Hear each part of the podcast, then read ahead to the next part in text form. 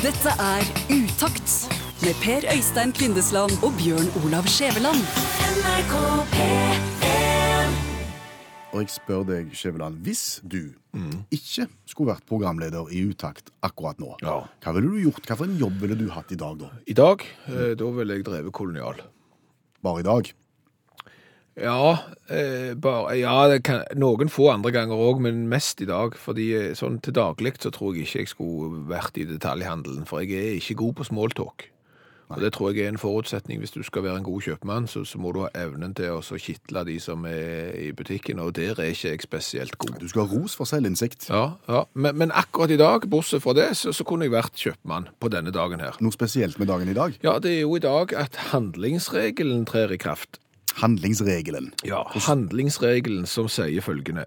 Det stunder mot langhelg, og da skal du handle langt mer enn du trenger.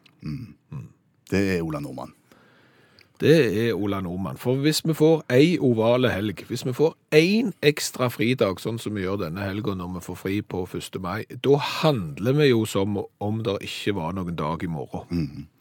Da er det nesten som om vi begynner med hamstring. Det ser nesten ut i handlekorga som du har tenkt å grave deg ned i hagen i din egen bunkers, fordi at noen kommer til å invadere oss og slippe ned ugreie ting som gjør at du ikke kan komme opp til bakken på minst to år. Skal jeg ha én pose potetgull til helga? Nei. Nei. Jeg må ha tre. Ja, tre? Ja. Da er du heldig hvis du slipper unna med tre. Men tre-fire, ja. ja, det er jo langhelg. Ja, det, det, det er jo langhelg. Og, og jeg kjenner svært mange som bedriver denne formen for uh, handling, og jeg ser det er, det er vanlig. Hvis du går i dag og stiller deg bare i, på, som en observasjonspost i kolonialen og ser, så, så vil du se dette fenomenet. For du kjenner, jeg kjenner folk som har orden på livet sitt, i den forstand at de, de tar den der. Vi handler stort én gang i uka. Ja, jeg er jo en av de. Ja, du, ja, ok, du er en av de. Jeg er ikke. Men, men jeg misunner dere så, så, som er så, så flinke til det. En gang i uka, og da har jeg en ganske god haug Ja. på korga. Ja. Men jeg er jo ikke i nærheten av de som handler etter handlingsregelen før langhelg. De har, de har enda større haug, og de skal bare handle for, tre- for tre og en halv dag. Ja, for en dag ekstra. Og hvorfor oppstår denne panikken, må tro? Altså, jeg skjønner jo kanskje litt når det er sånn eh, altså, Det handler jo litt om når havner nå egentlig julaften og sånn, og, når er det romjul, og er det da åpent i butikken osv. Der kan du være litt uheldig, og så får du plutselig en, en lang periode der du må handle mat til. OK, da, må du handle kanskje ganske mye. Men når du får én ekstra dag, som du kanskje gjør i, som du gjør i pinsen, og som du nå gjør den her første mai-helga der, så er det ikke det at du kjøper varer bare til den mandagen. Det er ikke det du kjøper ekstra. Du kjøper alt ekstra. Ja. Det er rart, for Hadde det vært for 20 år siden, Mm. så er det litt mer forståelig. For da var det jo umulig å få tak i ting på de røde dagene. Da var alt stengt. Det var alt stengt. Ja, men nå er det jo åpent på, på hagesenter og på søndagsbutikker. altså Du får jo tak i det du trenger uansett. Ja, så det, det no- det sitter nok litt i dette her. Jo, men nå er nå Norge et langstrakt land, og så er det noen som vil si der, kvinnesland, der er du, dette har du ikke greie på. Fordi at det, det er klart at hvis du bor i en storby, har andre eh, muligheter enn de som bor eh, litt mer grisgrendte til, men allikevel, det bør være umulig. Og vi vil jo ikke helt ha amerikanske tilstander heller. Amerikanske. Ja. Jeg har vært i USA i påsken, har jeg fortalt det. Det har vært nevnt. Ok, eh, men, men der har du eksempel Walmart, som er en sånn en gigant som selger alt fra ketchup og poteter til bildekk Ja. i en og samme butikk. Og de har aldri stengt. Åpent hele døgnet. Åpent hele døgnet, hele året.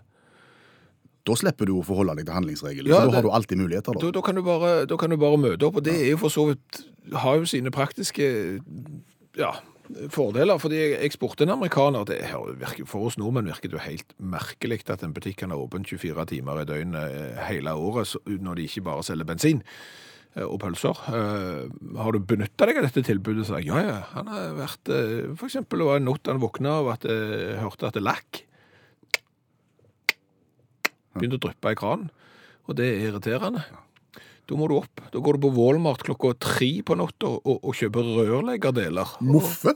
Og, og begynner å skru på, på, på ting. Så, så Kan du få parkett midt ved midnatt? Ja, jo, det, det, fordi at i Norge, når det er nattåpent, da er det jo bare i forbindelse med sånn kjøpesenter som gjerne skal feire et eller annet. Nye klær, da. Ja, da er de nattåpent. Og det hadde jo vært mer interessant hvis det kanskje var andre butikker òg som vurderte nattåpent, som du sier. Hvis du ligger der og, og grunner på noe og ikke får sove, det er jo da tankene går. Det er jo da de kreative prosessene starter. Så ser du plutselig for deg at den der inngangspartiet vårt hadde blitt mye finere hvis jeg hadde kjøpt laminat. For eksempel nå. Og så går du ut klokka tre på natta, og så kjøper du deg noen kvadrat med laminat, og så er det lagt før frokost. Og så slipper du å hamstre før 1. mai. Utakt på NRK P1. Når er det akkurat en måned til 31. mai? Er det 30. april eller 1. mai? Et godt spørsmål. et veldig godt spørsmål. Og det er ikke et spørsmål vi har uh, kommet på sjøl. Det er Per som har sendt en SMS til 1987 og, og starta meldingen med, med utakt. Og det er jo noe å grunne på. Når er det akkurat en måned til 31. mai? Er det 30. april? Eller er det 1. mai? Eller er det ingen av delene? Jobb litt med den i helga. Ja. Men du kan bruke SMS hvis du vil komme i kontakt med oss. Du kan også bruke mail. Eh, utakt, krøllalfa, nrk.no. Eller så finnes vi både på Instagram-fonen og, og på Facebook. Ja, så det er et godt triks. Men nå skal vi oppfordre alle til å kjøpe påskemarsipan.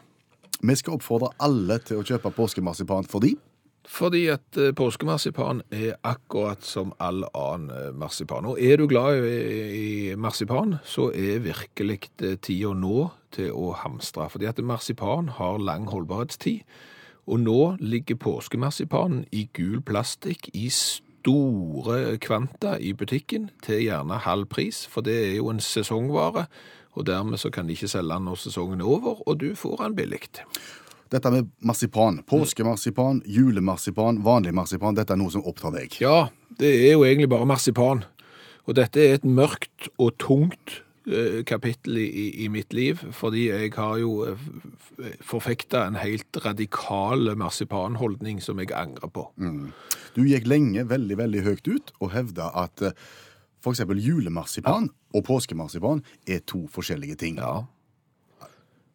Det, jeg, jeg gjorde det, og, og det gjorde jeg jo fordi at jeg på en måte stolte på produsentene av marsipan. Jeg tenkte, det, det, Når du lager julemarsipan, så må du jo skreddersy en marsipan sånn at den passer til jul, og, og da tenkte ikke jeg at det eneste de gjorde var å ta på rød plastikk. Og, og når det var påske, så tenkte jeg at eh, da er det påskemarsipan, det vil si marsipan med en liten dash av påske. Jeg vet ikke hva den dashen er, men og ikke bare gul plastikk. Og jeg var såpass skråsikker eh, som marsipanelsker at jeg skulle være i stand til å kjenne forskjell på julemarsipan og påskemarsipan, at jeg sa jeg tester det blindt på, på lufta og avslører forskjellene. Det gjorde vi for en tid tilbake. Du fikk foran deg to skåler. Ei skål med påskemarsipan, en skål med julemarsipan. Du fikk et bind for øynene Ja. og skulle kjenne forskjellen. Ja. Har vi lyst til å høre hvordan det gikk? Jeg har ikke. Nei, men vi gjør det likevel.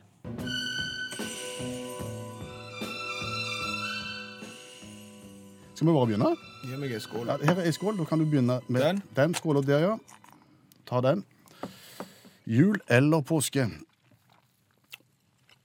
Påske. Det er korrekt. Det er påskemarsipan. Men nå har du ikke hatt noen sammenligning foreløpig, så nå skal vi snu på skålene.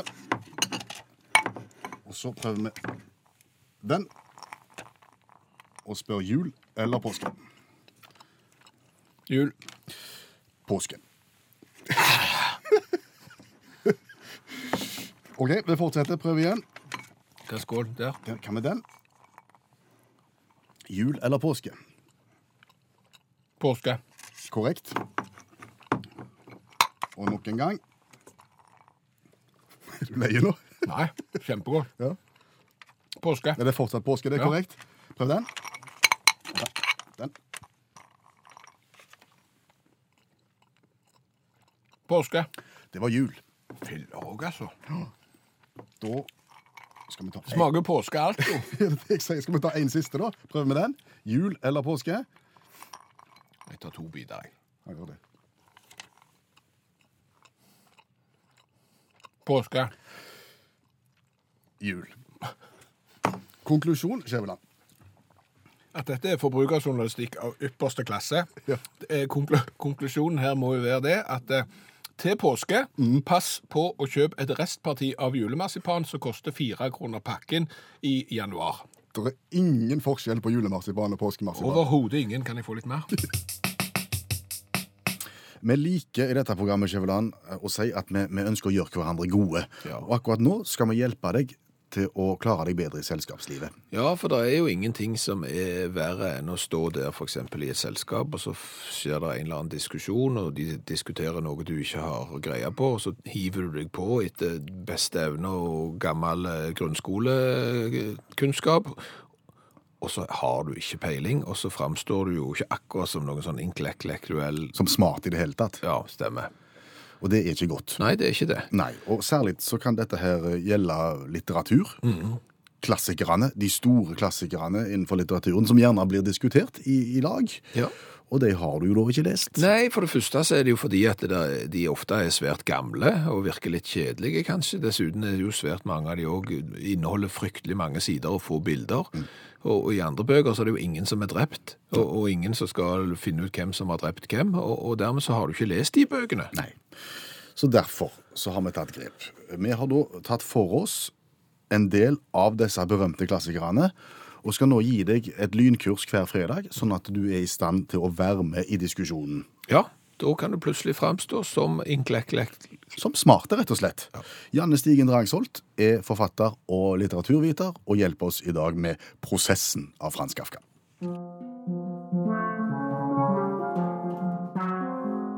Prosessen veldig lett å oppsummere. Så den er veldig lett å late som du har lest. Så dette er ikke et problem. Hva handler prosessen av Frans Kafka om? Prosessen handler om Josef K., som arresteres på sin 30-årsdag uten å få opplyst hva han siktes for. Eh, og så følger du karakterens vei gjennom et absurd og labyrintisk rettssystem, helt til han stilles for ukjente dommere og blir stukket i hjertet og dør. Det ender trist, altså. Det ender veldig dårlig. Var det lett, det?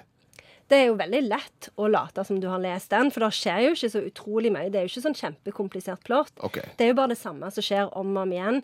Han konfronteres med en eller annen ukjent forbrytelse, sier 'jeg vet ikke hva dere snakker om', blir sendt til et nytt rom, det samme gjentar seg, og så til slutt så dør han. Ok, Så han handler nesten egentlig om alle som sitter i norske fengsel, for alle er uskyldige, og ingen har gjort noen ting som helst. Helt riktig. Og det som er så nyttig med prosessen, det er at det, den kan brukes eh, til å snakke om mange av de TV-seriene som går på forskjellige kanaler nå. Eh, sånn noen TV TV-serier som handler om det amerikanske rettssystemet, f.eks. Da kan det være sånn Å, herlighet, det er akkurat som prosessen av Kafka. Ja. Dette er kafkask. Ja, og det som er greit, da, det er at det, for det er jo sånn som du sier, kafkask er jo et ord. Eh, for det som Kafka tematiserer, det er jo byråkratiet, totalitære regimer, eh, den følelsen som du får eh, på alle forskjellige samfunnsnivå av at det ingenting går noen vei. Alt blir stående i stampe fordi at systemet er så eh, lukka, og det er så eh, vanskelig at du, du Altså, det er ugjennomsiktig system, så du får liksom ikke tråden i det. Eh, og det kan jo være noe så enkelt som en sånn e-postkorrespondanse som går dårlig, hvor du liksom prøver å formidle et eller annet til den som sitter på den andre sida, men de svarer på ingenting av det som du spør om. Så det er jo en kafkask opplevelse. Har du òg opplevd sånne? Mange, mange ganger. Jeg Trodde bare det var meg, jeg. Hvor er det tøffest å, å briljere med kunnskap om Kafka? Overfor hvilke personer? Veldig viktig spørsmål. Fordi Kafka slår ikke så godt an hos jurister eller folk fra næringslivet. I motsetning til krig og fred og sult, som vi har snakket om tidligere. Fordi Kafka kritiserer de på en måte? Ja, han gjør det. Han er jo veldig kritisk til hvordan samfunnet er oppbygd, og det liker ikke de. Og dessuten så liker ikke de den følelsen av absurditet og eh, eh, stampe som du finner hos Kafka. De liker at ting ordner seg opp. At eh, hovedpersonen reiser til England, eller at eh, krig fører til fred. Det liker de. Hvor skal vi da briljere med Kafka? Kafka slår veldig godt an hos folk som har HF-utdannelse. Okay, De HF? elsker, ja, hvis de har tatt historie, nordisk, religion, engelsk, litteraturvitenskap Alle disse folka elsker Kafka.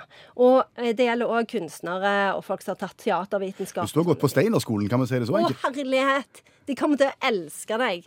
Kjør på med Kafka. Bare snakk om Kafka hele tida. Er det noen sitater, noen linjer vi skal ta med oss fra Kafka? Nei, jeg tror at det er nok bare å vite liksom, at det, hovedpersonen heter Josef K., eh, og at det er en prosess som fører til destruksjon og død. Da har vi det. Tusen takk, Janne Stigen Drangsholt. Forfatter, litteraturviter, eh, hjelpetrener i friidrett og medlem av FAU. Utakt på NRK P1. Vi leser gjerne i, i sånne livsvisdomsbøker et sitat som lyder som følger Lev hver dag som om det var den siste. Ja. Det er godt sagt, det. Det er for så vidt godt sagt, men det er ikke sikkert det er så lurt. Vil du endre det på noen måte? Ja, så Jeg skjønner jo motivasjonen for at vi skal leve hver dag som det er den siste. Vi skal ikke være redde for å, å ta sjanser. Vi skal by på oss sjøl. Vi skal gripe de mulighetene som er der. Vi skal nyte livet osv. Men jeg tror at det visdomsordet der kanskje hadde vært mye bedre hvis du hadde lagt til ett eneste ord. Ett eneste ord. Ja. Altså ikke lev hver dag som om det var den siste. Nei, eh, lev hver dag som om det var den nest siste. Nest siste, ja. Ja, det tror jeg er lurt, fordi at hvis du lever hver dag som om det er den siste, som om det ikke er en dag i morgen, så er det lett å dra strikken litt for langt. Ja. Eh, og, og vi har vel kanskje mange av oss eh, på et eller annet tidspunkt levd en dag som om det var den siste. Og, og når den dagen nærmer seg slutten, så angrer du på det. ja. Og, og dagen etterpå så angrer du kanskje enda mer på det. Og hvis du da hadde tenkt at jeg lever heller denne dagen som om det er den nest siste, altså det er en dag i morgen òg, så, så får du mye bedre utnyttelse av den. Og den dagen som kommer etterpå, det vil jo òg være den nest siste, og så lever du den som om det er en dag etterpå der igjen òg. Litt sånn voksen Villagal, på en måte. Ja, kanskje. Vil Ansvarsfull Villagal. Jo, men det betyr gjerne at istedenfor å spise tre hamburgere, så spiser du én, og, og, og sånn, og så oppfører du deg eh, bitte, bitte litt bedre. Det er liksom som å leve hver dag som om det er den nest siste. Det vil si du går fram til stupet, men du lender deg ikke fra, ut for å se nedover, hvis du skjønner. Så skrev jeg sånne bøker, du, Kjell.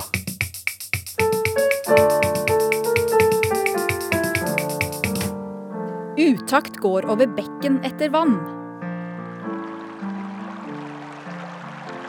Nå, å, å, å, sånn det var over. Går du over bekken nå? Ja, ja, ja, jeg, nå har jeg gått over bekken. Ja, går alltid over bekken. Er det nødvendig å gå over bekken? Ikke alltid, men akkurat nå er det nødvendig, for nå skal jeg ha vann. Og da må jeg gå over bekken. Nei, jeg står jo her igjen, jeg. Jeg må jeg komme over, jeg? Nei, du, skal du ha vann? Ja, Skal du ha vann, du òg? Ja, da må du komme over bekken. ok. Sånn. Ja, da har du òg kommet over bekken. Da kan du òg få vann. Er det vanlig å gjøre det på denne måten? Altså, jeg, jeg har alltid gjort det. Altså, det, og far min gjorde det. Han gikk over bekken. Eh, far hans, før hans. Så det er nok, og hos oss, i alle slektsledd, så har vi gått over bekken. Jeg tenker bare det kan være like greit å ta det fra andre sider, men hvis du sier at det er best å gå over, så gjør vi jo det. Ja, altså vannet her er mye bedre enn på den andre sida. Så skal du ha kvalitetsvann, så må du gå over bekken. Og, og sånn er det bare. Det tror jeg. I generasjoner. Kan vi gå tilbake igjen nå? Ja, hvis du er ferdig.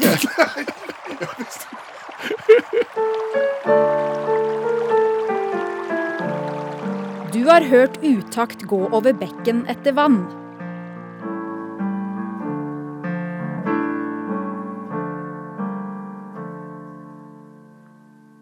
Og på mandag så er det altså 1. mai, og det betyr at eh, søndag kveld og utover i natta så snakker vi om natt til 1. mai. Og når jeg skal fortelle historier fra gamle dager til ungene mine, så forteller jeg om natt til 1. mai. Natt til 1. mai var på 70- og 80-tallet en natt. det er fremdeles en natt. Men det var da eh, en tid der ungdom som var misfornøyde med sånn som tingenes tilstand var, gjerne gikk ut og demonstrerte. Disse demonstrasjonene førte gjerne til klammeri med politiet. Der ble knust vinduer og hevet på graps og, og, og ting. Og Karl Johan i Oslo eksempel kunne jo nesten se ut som en slagmark natt til 1. mai. Myndighetene måtte gjøre noe. Hva gjorde de, De samarbeida med NRK, for eksempel? og så lagde de nattrock. Nattrock på fjernsynet. Ja. Hvis ungdommene fikk rock seint på kvelden og inn på natta, så ville de heller bli sittende inne i kjellerstua og se på rockemusikk i stedet for å gå ut og ødelegge. Ja. Virka det? Eh, Litt usikker. Eh, Det gjorde jo iallfall at vi som ikke hadde tenkt og hadde noen planer som helst å gå ut og verken knuse eller ødelegge ting, vi, vi hadde jo allikevel vært hjemme. Det eneste var at natt til 1. mai, da satt vi lenger oppe. Ja, ja. Men det var jo noe vi, vi gleder oss til det. Ja, det- altså- vi, fikk, vi fikk se orkester som vi aldri hadde sett før. Ja, ja, du fikk se The Who og The Kings og Foreigner, Judas Priest og Nina Hagen, og det, sågar U2 ble vist, og norske konserter ble vist eh, på NRK, og, alt, og gjerne fra rockpalats i, i tyske byer som du ikke hadde hørt om. Essen og Emden og Dortmund. Hannover. Hannover, ja. Jeg husker det var fryktelig spennende, ja, ja. iallfall. og det var vår inngang til, til rockemusikken. Hvor gamle er vi som var unge, og som da satt inne og så på nattrock den gang og ikke gikk ut og ødela? Nei, du kan si De som, som kanskje var med og ødela, mm. og som skulle ut og demonstrere, de vil jeg jo tippe nå er 50 pluss.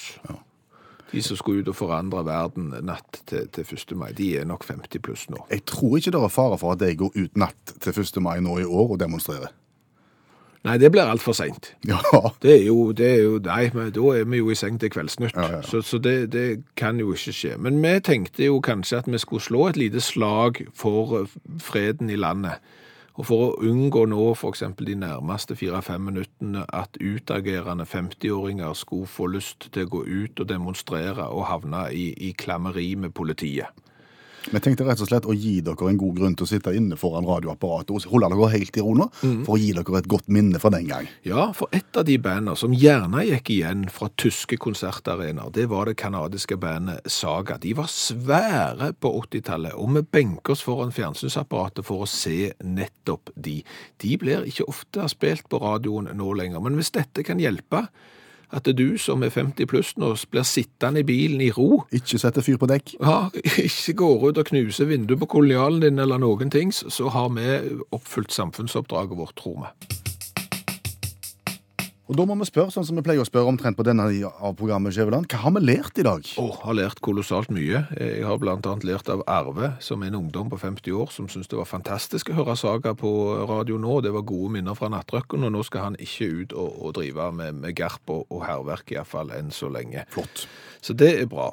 Og så har vi jo lært eh, det, at eh, det er ikke bare marsipan som er lik året rundt. Vi har jo testa eh, det og funnet ut at julemarsipanen smaker akkurat likt som påskemarsipanen, som smaker akkurat likt som den vanlige marsipanen.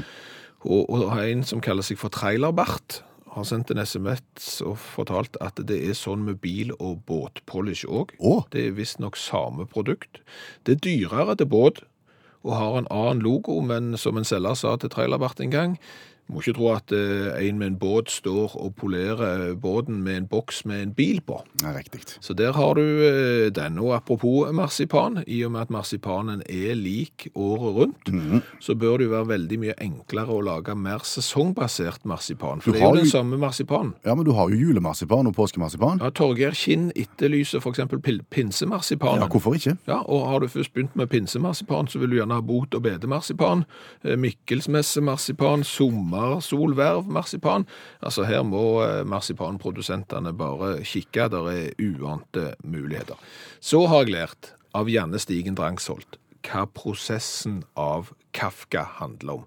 Og det er fryktelig lett. Du kan nesten lære deg prosessen av Kafka på 11 og et halvt sekund. Josef K., dette er hans historie. Det er jo bare det samme som skjer om og om igjen. Han konfronteres med en eller annen ukjent forbrytelse, sier 'jeg vet ikke hva dere snakker om', blir sendt til et nytt rom, det samme gjentar seg, og så til slutt så dør han. Dette er Utakt med Per Øystein Kvindesland og Bjørn Olav Skjæveland. NRK P3